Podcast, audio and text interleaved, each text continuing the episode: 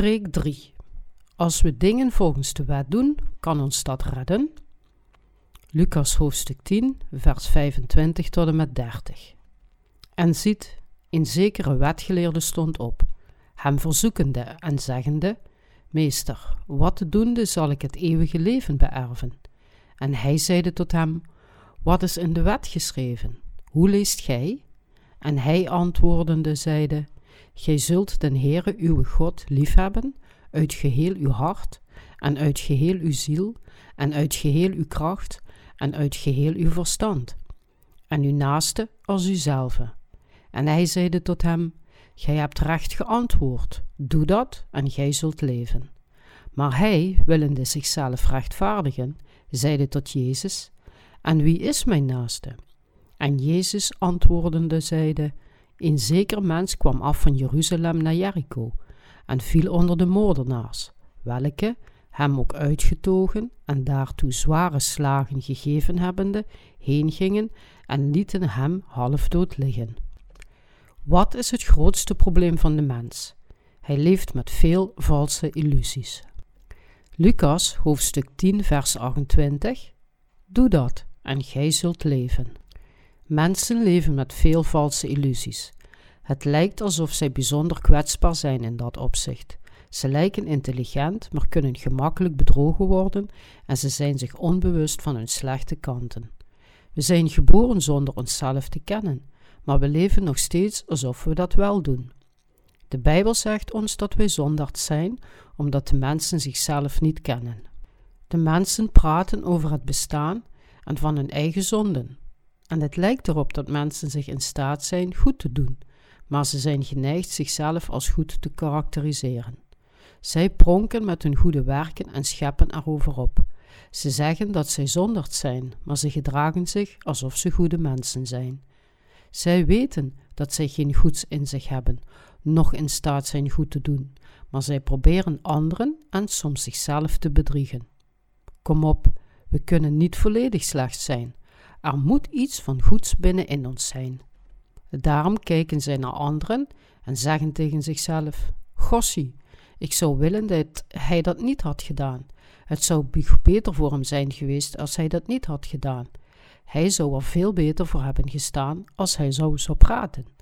Ik denk dat het beter is om het evangelie zus of zo te prediken. Hij was van mij verlost, dus ik denk dat hij zich meer moet gedragen als iemand die verlost is geworden. Ik ben pas kort geleden verlost geworden, maar als ik meer leer, zal ik beter dan hem worden. Zij scherpen de messen in hun hart. Wacht jij maar. Je zult zien dat ik niet zoals jou ben. Je denkt misschien dat je voor me bent, maar wacht maar af. Er staat in de Bijbel dat diegenen die het laatste komen de eersten zullen zijn. Ik weet dat dit op mij slaat. Wacht en ik zal het je laten zien. Mensen bedriegen zichzelf. Zelfs als hij hetzelfde zou doen, wanneer hij in de plaats van die persoon was, zou hij hem toch veroordelen. Als hij in de preekstoel staat, merkt hij van zichzelf dat hij hopeloos begint te stotteren en hij voelt zich onzeker worden. Predikers moeten alleen maar naar God kijken en niet beginnen te denken wat anderen ervan zouden denken. Als zij dat doen, zijn ze niet in staat om te prediken. Als hun gevraagd wordt of de mens het vermogen heeft om goed te doen, zeggen de meeste mensen nee. Maar zij hebben de illusie dat zij zelf wel het vermogen hebben. Dus doen ze hard hun best om deugdzaam te zijn totdat zij sterven. Zij denken dat zij goedheid in hun hart hebben, dat zij het vermogen bezitten om goed te doen. Zij denken ook dat zij zelf goed genoeg zijn. Het maakt niet uit hoe lang geleden zij religieus waren. Zelfs diegenen die veel vooruitgang hebben behaald in de dienst van God denken: ik kan dit en dat doen voor de Heer. Maar als we onze Heer uit onze levens halen, kunnen we dan werkelijk goed doen? Is er goedheid in de mensheid? Kan hij goede werken doen in zijn leven? Menselijke wezens hebben niet het vermogen goed te doen. Altijd als mensen proberen iets uit zichzelf te doen, zondigen zij. Sommigen duwen Jezus aan de kant nadat zij verlost zijn en proberen op eigen kracht goed te doen. Er is niets dan slechtheid in ieder van ons. We kunnen alleen maar slechtheid voortbrengen. Vanuit onszelf zelfs diegenen die gered zijn geworden, kunnen we alleen maar zondigen. Dit is de realiteit van ons vlees. Wat doen we altijd? Het goede of het slechte? Het slechte. In onze lofgezangen, looft de Heer, is een lied dat als volgt gaat. Zonder Jezus zullen we allen maar struikelen. We zijn waardeloos als een schip dat de zee oversteekt zonder zeilen. Zonder Jezus kunnen we alleen maar zondigen. We zijn de rechtvaardigen omdat we gered zijn geworden door Jezus Christus. In werkelijkheid zijn we slecht. De apostel Paulus zei: Want het goede dat ik wil, dat doe ik niet, maar het kwade dat ik niet wil, dat doe ik. Romeinen, hoofdstuk 7, vers 19. Als een mens met Jezus is, dan maakt dat niet uit. Maar als hij niets met hem te maken heeft, dan probeert hij goed te doen voor God. Maar hoe meer hij zijn best doet, hoe meer hij bemerkt dat hij het kwaad beoefent. Zelfs koning David had dezelfde aangeboren aard. Toen zijn land vredig en voorspoedig was, ging hij naar het platte dak voor een wandeling.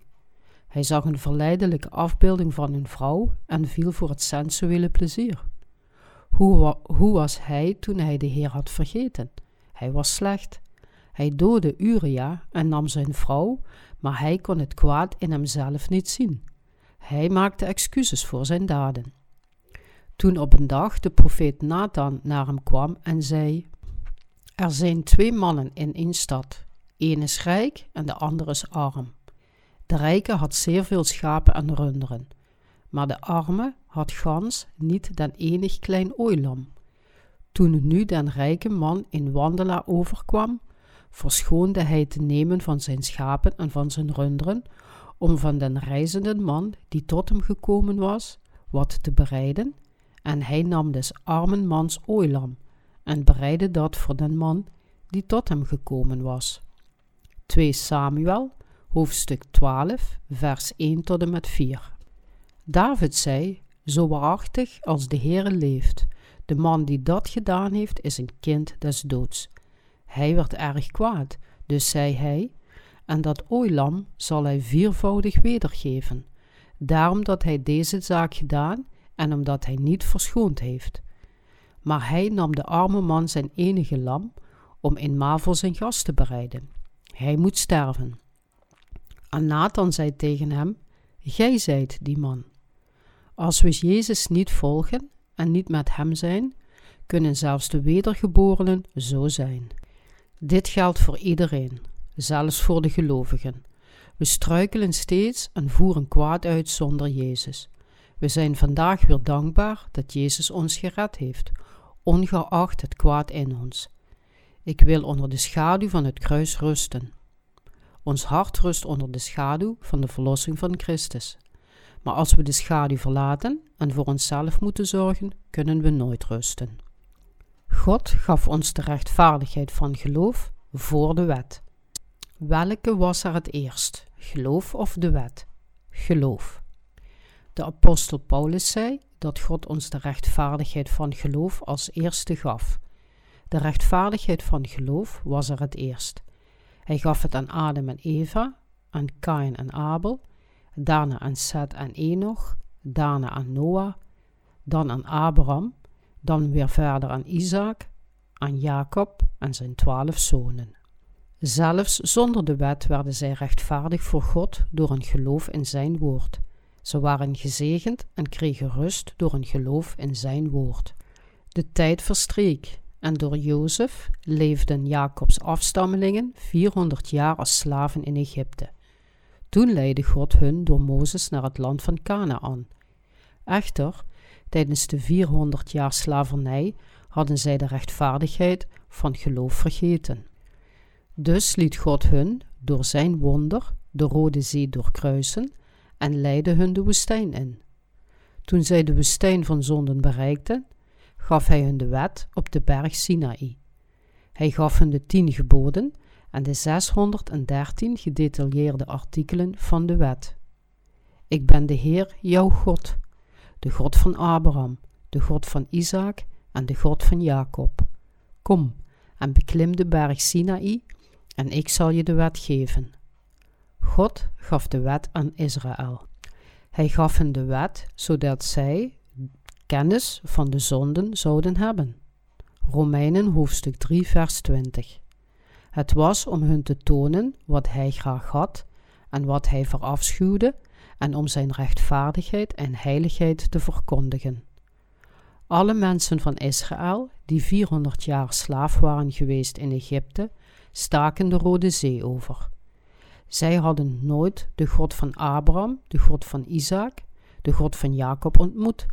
Zij kenden hem niet. En terwijl zij die 400 jaar in slavernij hadden geleefd, waren zij de rechtvaardigheid van God vergeten. In die tijd hadden ze geen leider. Jacob en Jozef waren hun leiders, maar zij waren al lang geleden gestorven. Het lijkt dat Jozef gefaald had om het geloof aan zijn zonen Manasse en Ephraim door te geven. Daarom moesten zij hun God weer vinden en hem ontmoeten, omdat zij de rechtvaardigheid van God vergeten waren. Dus gaf God hun eerst de rechtvaardigheid van geloof, en hij gaf hen de wet nadat zij het geloof vergeten hadden. Hij gaf hen de wet om hun naar hem terug te brengen. Om Israël te redden en hen zijn volk te maken, het volk van Abraham, zei hij dat ze besneden moesten worden. De reden waarom hij hun riep, was in de eerste plaats om hun te laten weten dat de God die de wet schiep bestaat, en ten tweede om hen te laten weten dat zij zonderds waren voor God. God wilde dat zij voor hem zouden komen en zijn volk zouden worden, door verlost te worden door het offersysteem dat God hun gegeven had. En hij maakte hen tot zijn volk.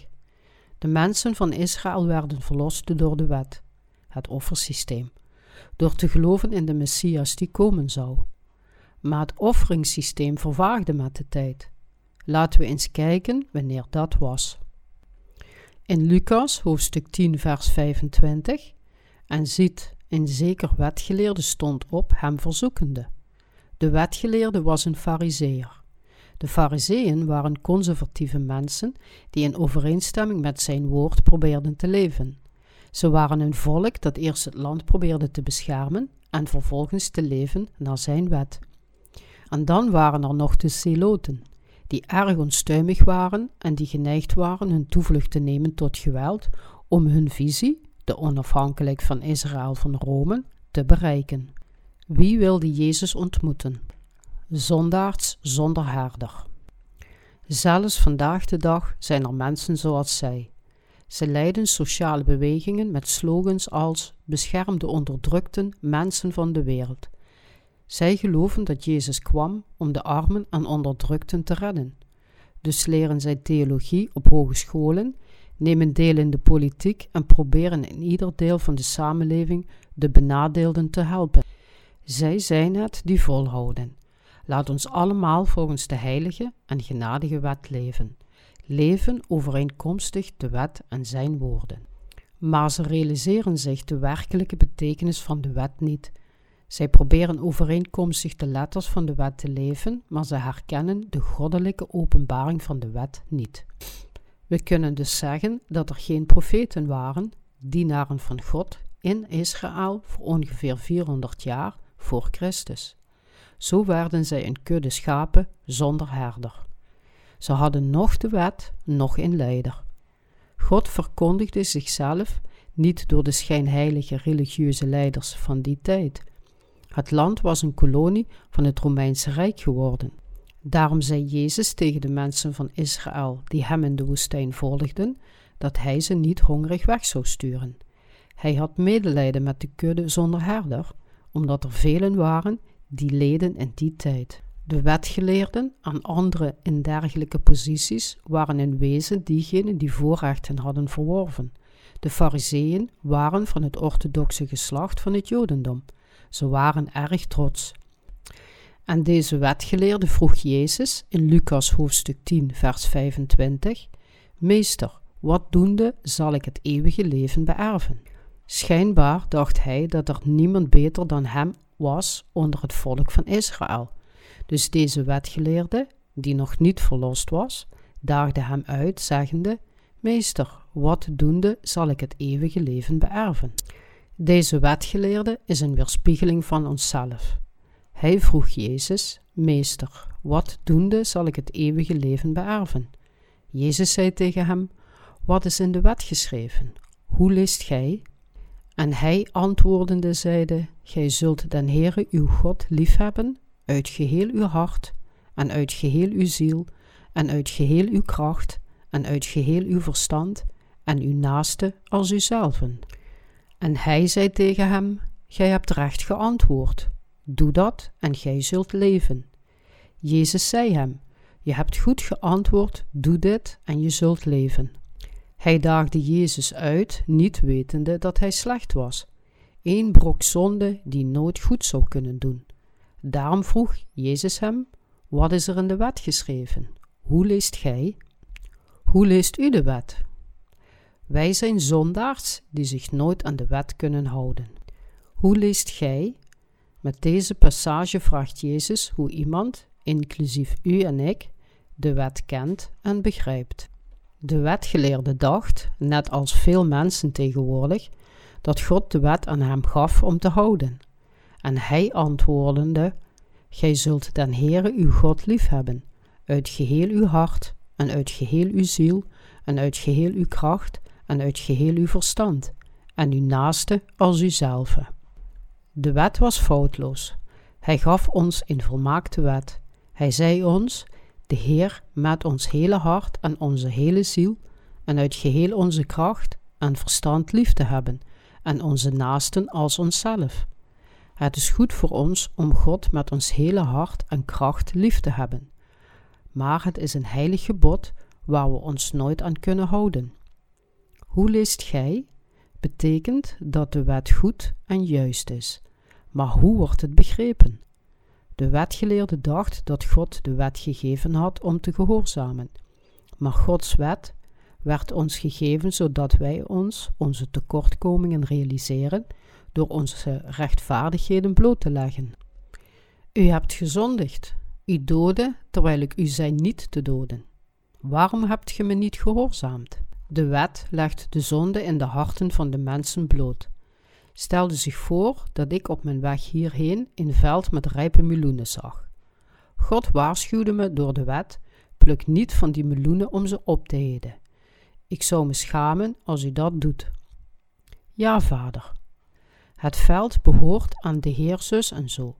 Daarom moet u ze nooit plukken. Ja, vader. Het moment waarop we door de wet horen dat we ze nooit moeten plukken, voelen we een sterk verlangen om ze te plukken. Als we een veer omlaag duwen, dan springt deze automatisch weer omhoog. De zonden van de mensen zijn net zo. God zegt ons dat we nooit kwaad moeten doen. God kan dat zeggen omdat Hij heilig en volmaakt is en omdat Hij hiertoe het vermogen heeft. Aan de andere kant, wij kunnen nooit niet zondigen en nooit goed doen.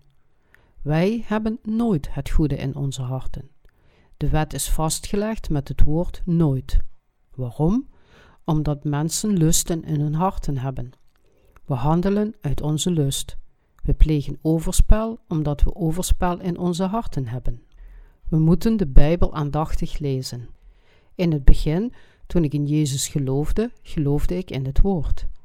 Ik las dat Jezus voor mij aan het kruis stierf en ik kon de tranen niet meer bedwingen. Ik was zo'n slecht persoon en hij stierf voor mij aan het kruis. Mijn hart deed zo'n ontzettend pijn dat ik in hem geloofde. Toen dacht ik: als ik in hem ga geloven, dan zal ik gaan geloven in overeenstemming met het woord. Toen ik Exodus hoofdstuk 20 las, stond er: Gij zult geen andere goden voor mijn aangezicht hebben. Ik bad vol brouw volgens dit gebod. Ik probeerde me te herinneren of ik ooit andere goden voor hem had gehad, zijn naam ijdel had gebruikt, of dat ik ooit voor andere goden had geknield. Ik realiseerde me dat ik veelvuldig voor andere goden had geknield, tijdens de rituelen ter ere van mijn voorvaders. Ik had de zonde begaan meerdere goden te hebben. Dus bad ik vol berouw. Heer, ik heb idolen vereerd. Hiervoor moet ik veroordeeld worden. Vergeef alsjeblieft mijn zonden. Ik zal het nooit meer doen. Daarmee was één zonde afgehandeld. Toen dacht ik na of ik zijn naam ooit misbruikt had. Toen herinnerde ik me dat ik rookte in het begin dat ik in God geloofde. Mijn vrienden zeiden tegen me: Breng je geen schande aan God door te roken? Hoe kan een christen roken? Dat was toch zijn naam misbruiken, of niet? Dus bad ik weer: Heer, ik heb uw naam misbruikt. Vergeef me alstublieft, ik zal stoppen met roken. Dus probeerde ik te stoppen met roken, maar ik bleef een jaar lang hier en daar door roken. Het is werkelijk moeilijk, bijna onmogelijk om te stoppen met roken. Maar uiteindelijk lukte het me helemaal met roken te stoppen. Ik dacht dat ik alweer een zonde afgehandeld had. De volgende was: houd de sabbatdag heilig. Dit wil zeggen, doe geen andere dingen op zondagen, geen zaken doen, nog geld verdienen. Dat deed ik dus ook niet meer. Dan was er: eert uw vader en uw moeder.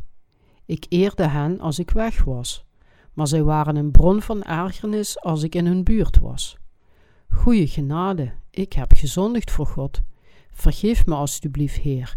Ik bad vol berouw. Maar ik kon mijn ouders niet meer eren, omdat ze toen al beiden dood waren. Wat kon ik doen? Heer, vergeef alstublieft deze waardeloze zondaard. U stierf aan het kruis voor mij. Hoe dankbaar ik was. Zo dacht ik dat ik al mijn zonden één voor één had afgehandeld. Er waren andere wetten, zoals niet te doden, geen overspel te plegen, niet te begeren. Ik realiseerde me dat ik me aan geen enkel gebod gehouden had. Ik bad de hele nacht. Maar weet u, bidden in berouw is niet echt prettig. Laten we erover praten. Als ik aan Jezus' kruisiging dacht, was ik in staat de pijn ervan mee te voelen. En hij stierf voor ons die niet in overeenstemming met zijn woorden konden leven. Ik huilde de hele nacht, eraan denkend hoeveel ik van hem hield en bedankte hem dat hij me plezier gaf. Mijn eerste jaar dat ik naar de kerk ging, was over het algemeen best gemakkelijk. Maar de volgende paar jaar werden erg moeilijk, omdat ik steeds dieper moest nadenken om de tranen te laten vloeien, omdat ik dat zo vaak deed. Wanneer de tranen nog steeds niet kwamen, ging ik vaak voor drie dagen naar de bergen om te bidden en te vasten. Dan kwamen de tranen terug. Ik was doorweekt van mijn tranen, kwam terug in de samenleving en huilde in de kerk. Mensen om me heen zeiden: Je bent zoveel heiliger geworden door je gebeden in de bergen. Maar de tranen droogden onvermijdelijk weer op. Het werd ontzettend moeilijk het derde jaar. Ik dacht aan de onrechtvaardigheden die ik mijn vrienden en medechristenen had aangedaan en huilde weer. Na vier jaar droogden de tranen weer op. Er zaten traanzakjes in mijn ogen, maar ze werkten niet meer. Na vijf jaar kon ik niet meer huilen, hoe hard ik ook probeerde. Daarna begon mijn neus te lopen. Na een paar jaar walgde ik van mezelf en liet God me weer terugkeren naar de Bijbel. De wet is voor de erkenning van de zonden. Wat moeten we ons realiseren bij de wet? We kunnen ons nooit aan de wet houden. In Romeinen hoofdstuk 3 vers 20 lezen we Bij de wet is de erkenning van de zonden. In het begin beschouwde ik dit als een persoonlijke boodschap aan de apostel Paulus en ik geloofde alleen in de woorden die ik koos. Maar nadat mijn tranen waren opgedroogd, kon ik mijn geloofsleven niet meer voortzetten. Dus ik had herhaaldelijk gezondigd en ik ontdekte dat ik zonde in mijn hart had en dat het onmogelijk was om in overeenstemming met de wet te leven. Ik kon het niet verdragen, maar ik kon de wet ook niet afdanken, omdat ik geloofde dat het gegeven was om te gehoorzamen. Uiteindelijk werd ik een wetgeleerde, zoals we die gezien hebben in het Heilige Schrift. Het werd heel moeilijk voor mij om mijn leven van geloof voor te zetten. Ik had zoveel zonde dat terwijl ik de wet las, ik me van deze zonden bewust werd. In mijn hart had ik alle tien geboden gebroken. Zondigen in het hart is ook een zonde, en ik was onbewust een gelovige van de wet geworden. Als ik me aan de wet hield, was ik gelukkig. Maar als ik me niet aan de wet kon houden, dan voelde ik me ellendig, geïrriteerd en ongelukkig. Ten slotte was ik helemaal uitgeput ervan geworden. Was me maar vanaf het begin geleerd geworden Nee, nee. Er is een andere betekenis aan de wet. Het laat u zien dat u een en al zonde bent. U houdt van geld, van het andere geslacht en van dingen die mooi zijn om naar te kijken. U heeft dingen waarvan u meer houdt dan van God. U wilt de dingen van de wereld volgen. De wet is u gegeven niet om te houden, maar om uzelf als een zondaar te herkennen die kwaad in zijn hart heeft.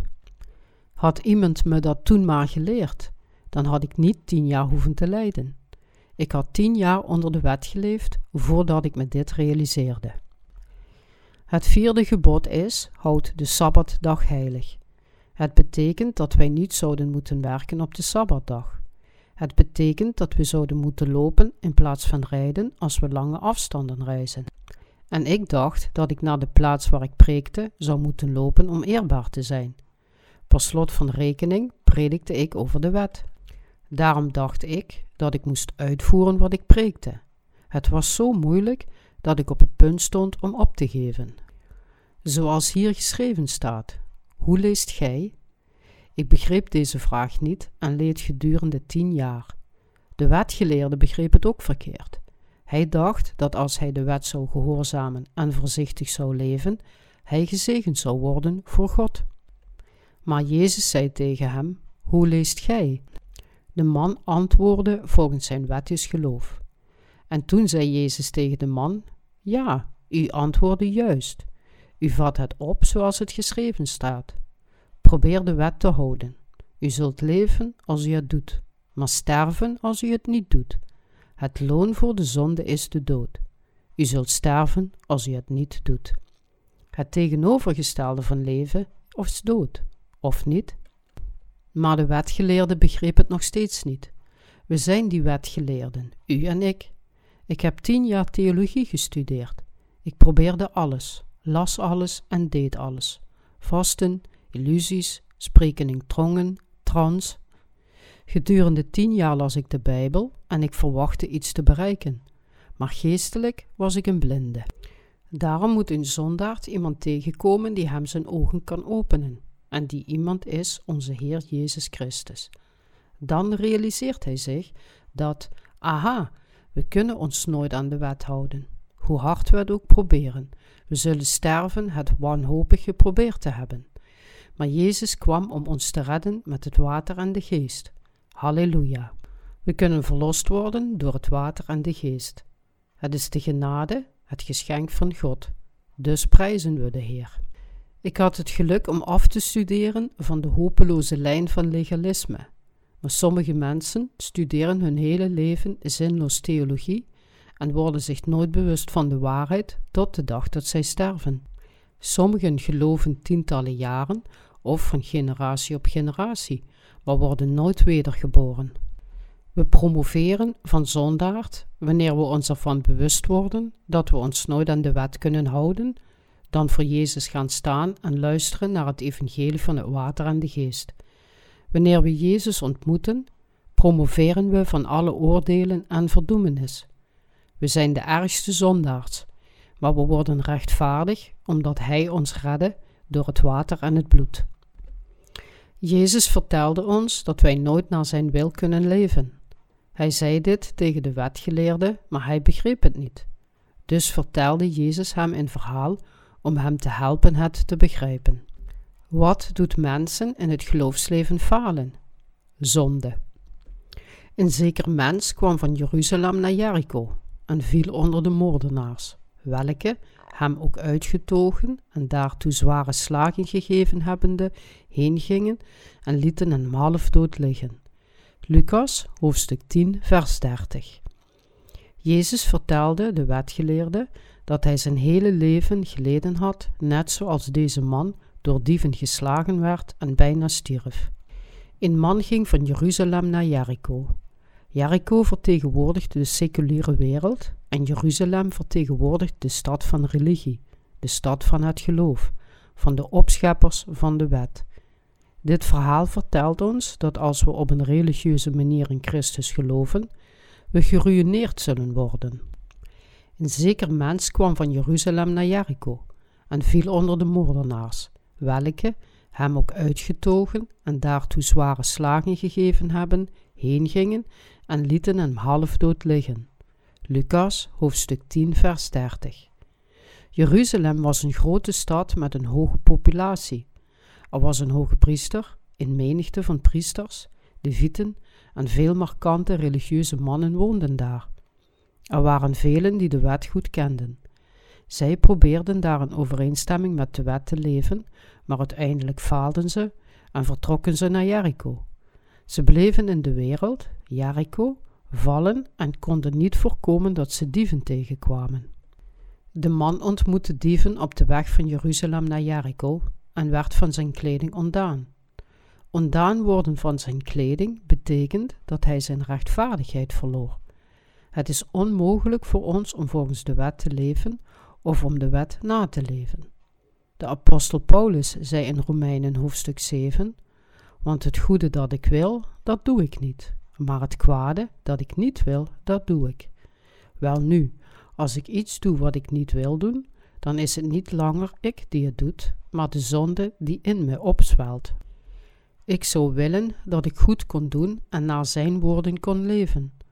Want van binnenuit het hart der mensen komen voort kwade gedachten, overspelen, hoererijen, doodslagen, dieverijen, gierigheden, boosheden, bedrog, ontuchtigheid, in boos oog, lastering, hofvaardij, onverstand. Marcus hoofdstuk 7, vers 21 tot en met 23. Omdat zij in ons hart zijn en af en toe naar buiten komen, doen we wat we niet willen doen en doen we niet wat we wel willen doen.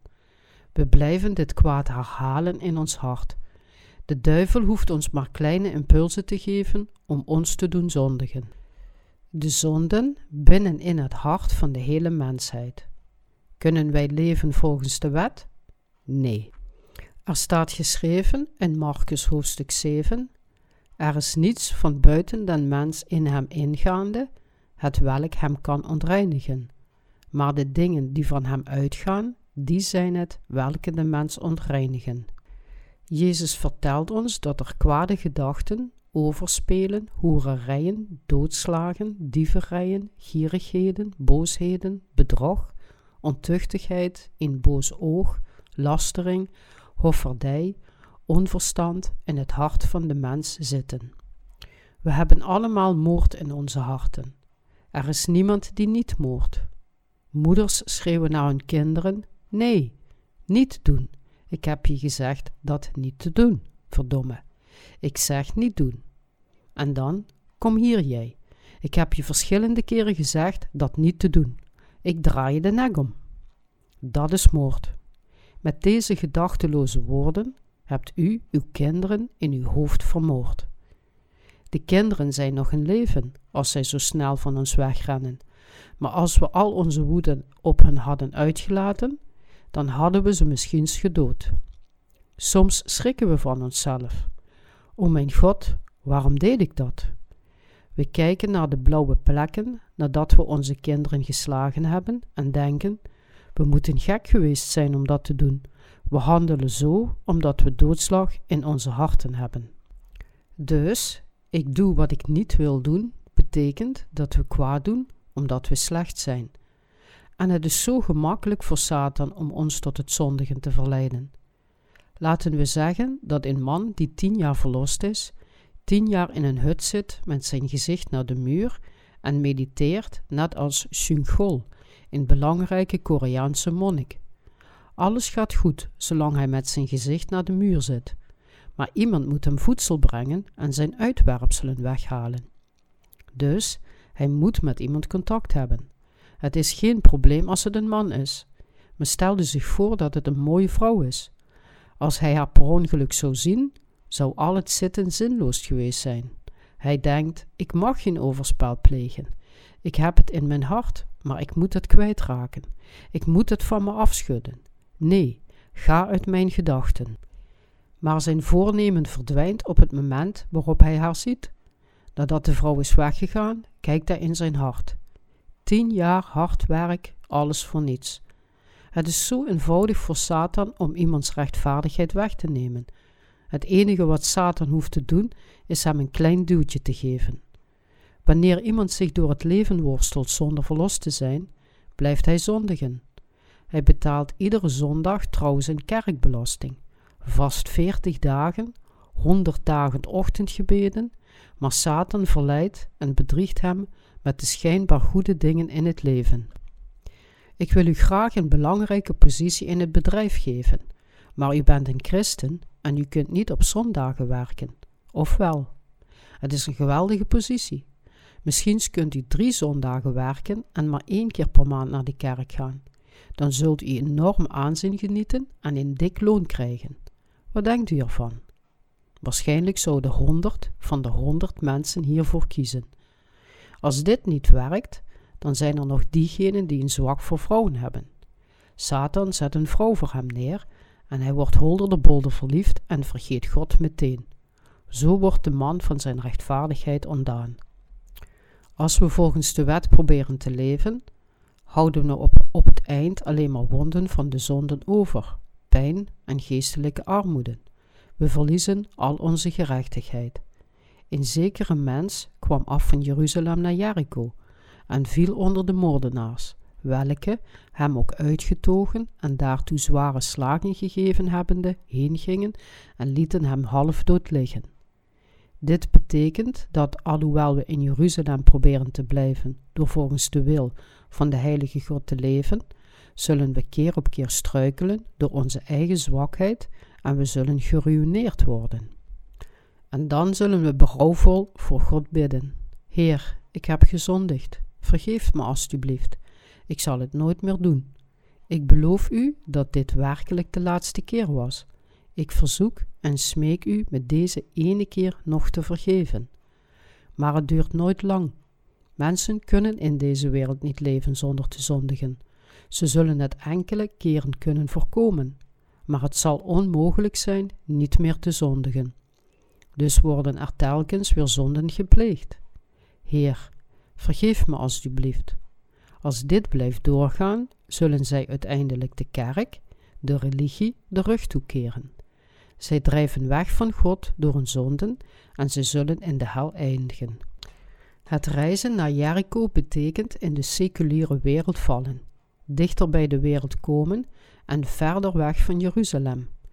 In het begin is Jeruzalem nog steeds dichtbij, maar als de cyclus van zondigen en berouw zich herhaalt, vinden we onszelf terug in de straten van Jericho, diep aan de wereld vervallen.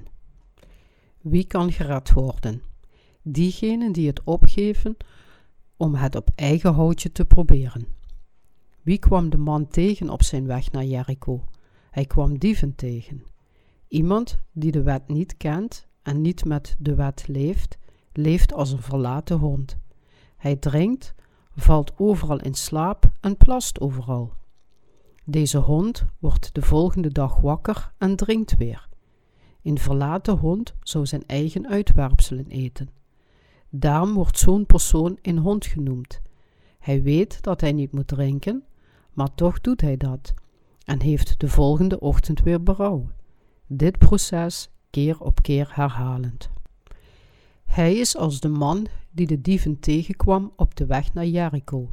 Hij wordt gewond en voor bijna dood achtergelaten. Het betekent dat er alleen zonde in zijn hart is. Dit is wat een mens is. In Jeruzalem geloven de mensen in Jezus en leven naar de wet, maar ze worden achtergelaten met alleen maar zonden in hun hart. Het enige dat zij als bewijs voor een religieuze leven kunnen tonen, zijn de wonden van de zonden. Diegenen met zonde in hun hart worden in de hel gegooid. Ze weten het, maar weten niet wat te doen. Zijn u en ik daar ook niet geweest? Ja, we waren allemaal hetzelfde. De wetgeleerde, die de wet van God verkeerd begreep, zou zijn hele leven worstelen, maar zou gewond in de hel belanden. We zijn hem, u en ik. Alleen Jezus kan ons redden. Er zijn zoveel intelligente mensen om ons heen en zij scheppen altijd op met wat zij weten. Zij doen allemaal net alsof ze volgens de wet van God leven. Ze kunnen niet eerlijk met zichzelf zijn. Ze kunnen het beestje niet bij de naam noemen, maar zij poetsen steeds hun uiterlijke schijn op om trouw te lijken. Onder hen zijn er zondaars op weg naar Jericho, zij die geslagen zijn geworden door dieven en anderen die al dood zijn. We moeten weten hoe kwetsbaar we voor God zijn. We moeten aan Hem toegeven: Heer, ik zal naar de hel gaan als U me niet redt. Red me alstublieft. Ik zal daar gaan waar U wilt dat ik ga, of het hagelt of stormt, als U me maar toestaat om het ware evangelie te horen. Als U me verlaat, zal ik naar de hel gaan. Ik smeek U me te redden. Diegenen die weten dat ze naar de hel zullen gaan, diegenen die het opgeven hun eigen rechtvaardigheid te volgen, terwijl ze vasthouden aan de Heer, dat zijn diegenen die gered zullen worden. We kunnen nooit uit onszelf gered worden. We moeten weten dat we net zo zijn als de man die onder de dieven viel.